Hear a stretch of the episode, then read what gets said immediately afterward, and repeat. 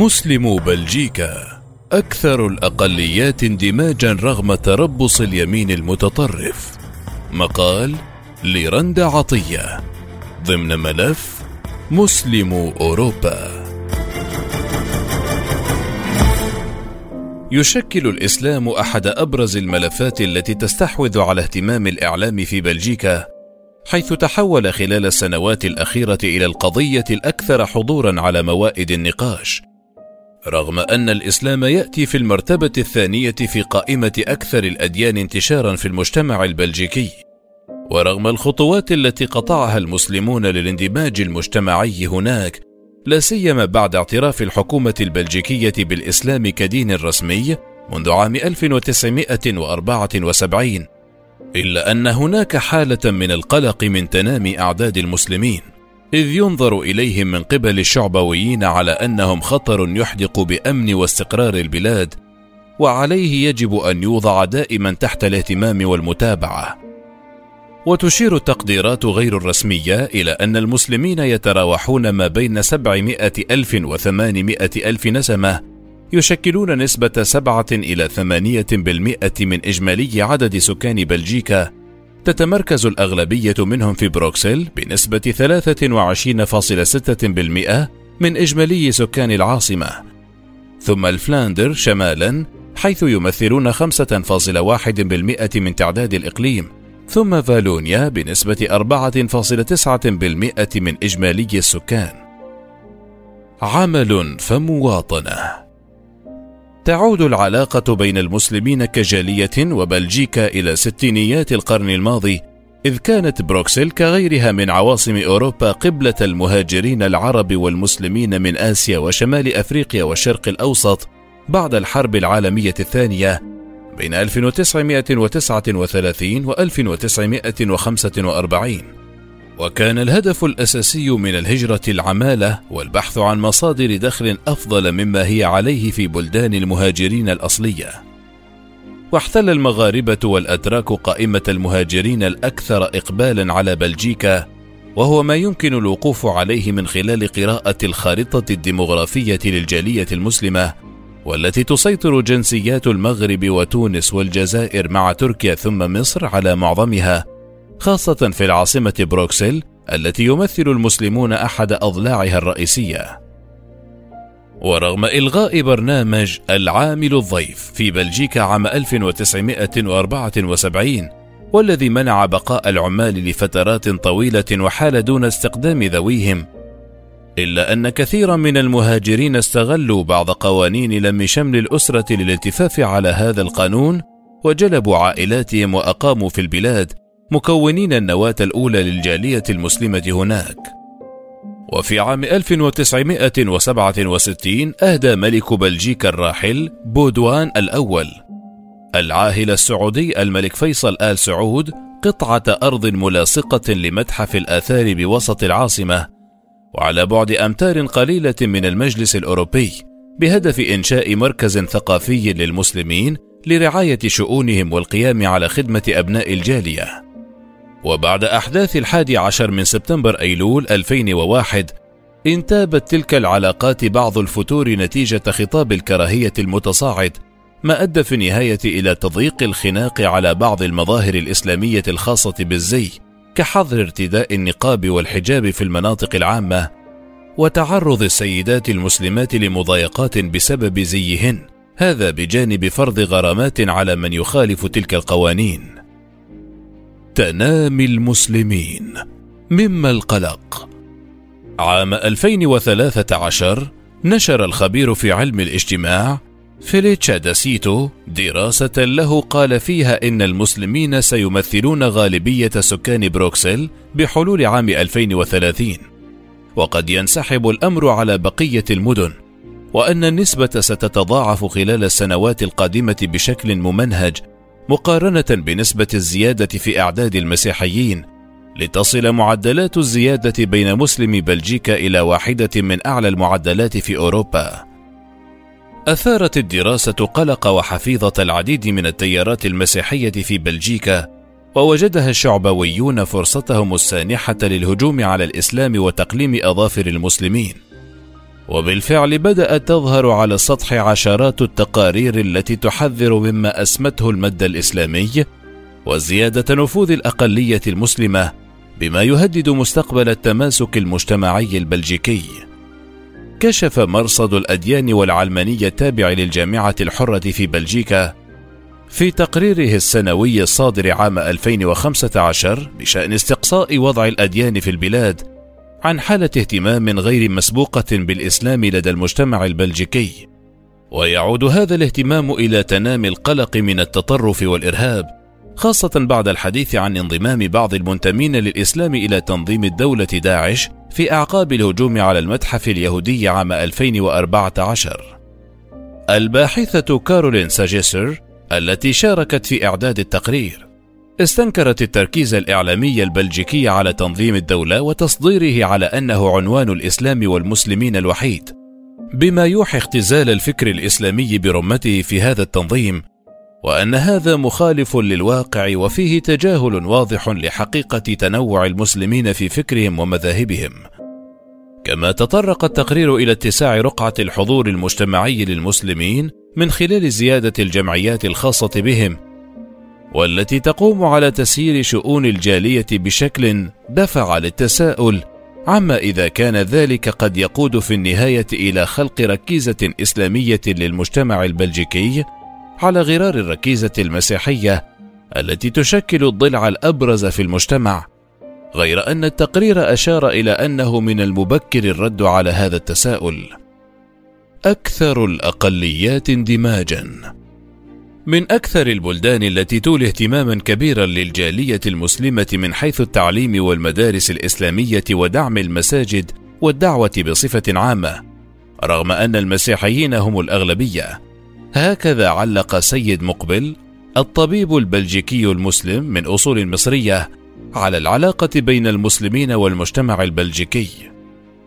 ويشير مقبل في حديثه لنون بوست أنه منذ قدومه إلى بروكسل عام 1997 لم يشعر يوما ما أنه في وطن غريب عنه إلا بعد عام 2016 حين تنامى نفوذ اليمين المتطرف بسبب بعض بسبب بعض الجرائم التي وقعت ونسبت إلى إسلاميين.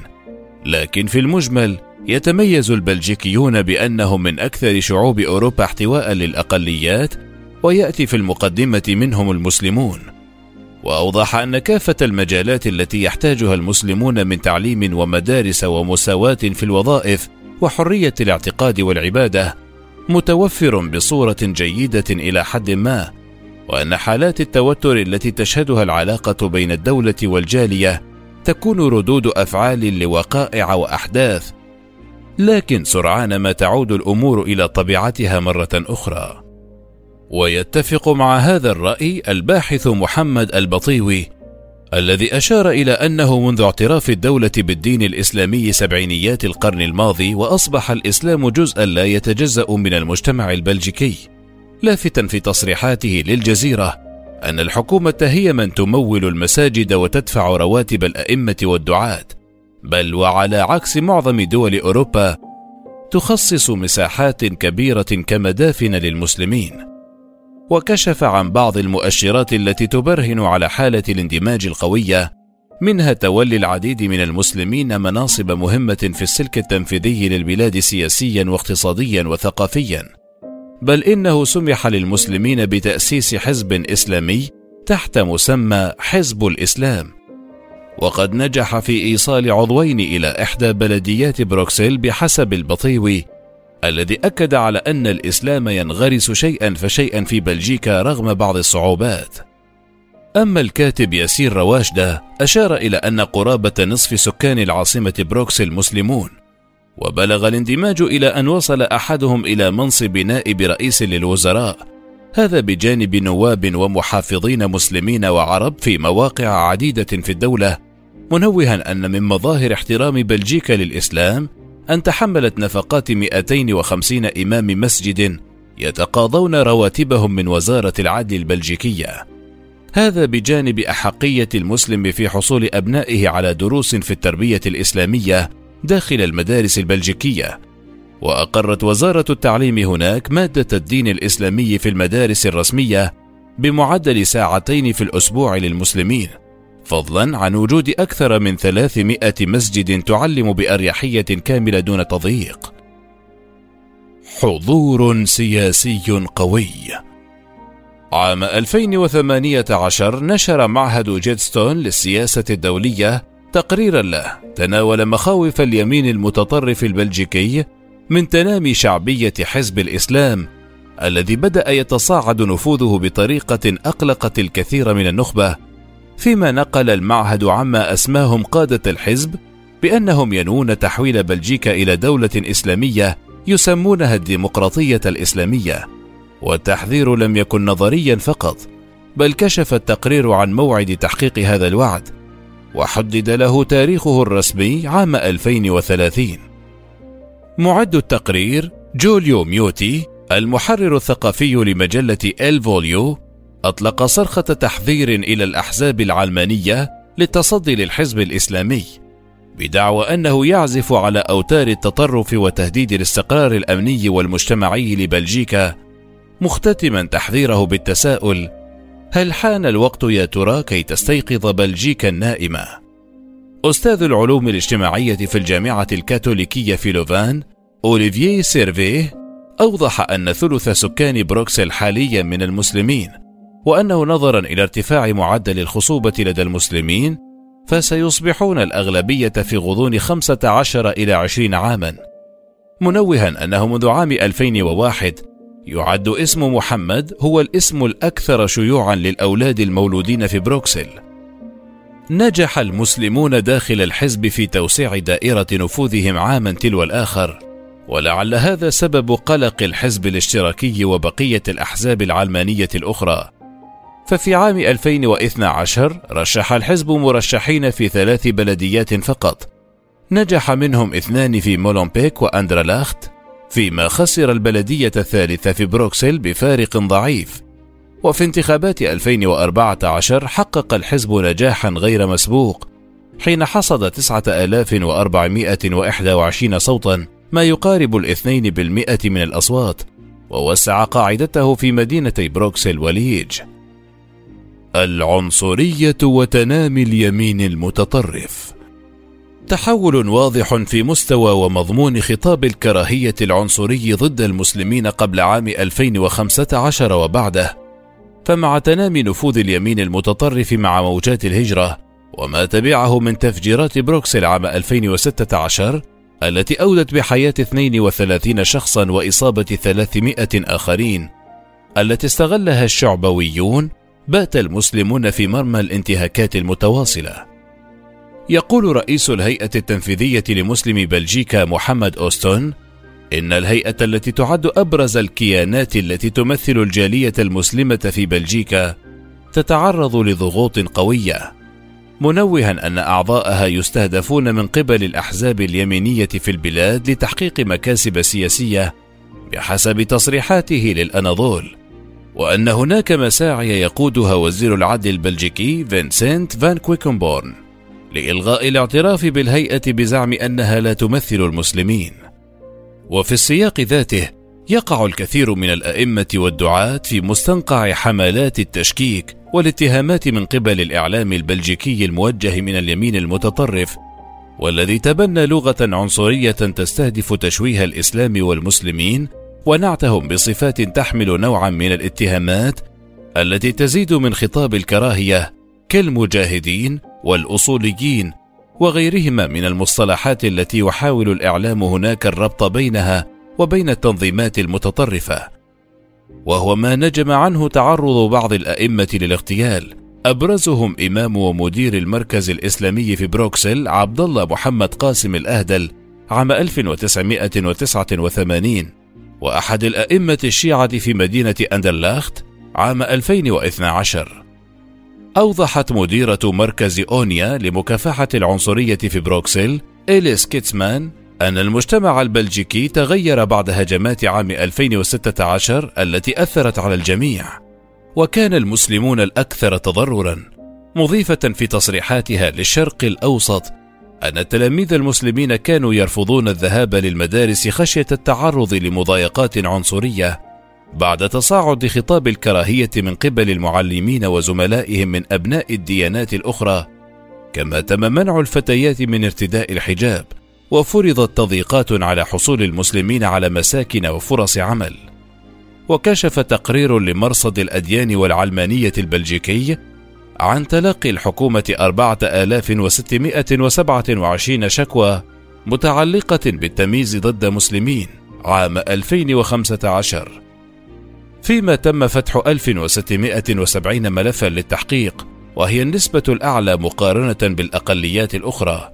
أما في عام 2018 ارتفعت الشكاوى بحسب كيتسمان لتصل إلى 7500 شكوى فتح التحقيق رسميا في 2200 منها.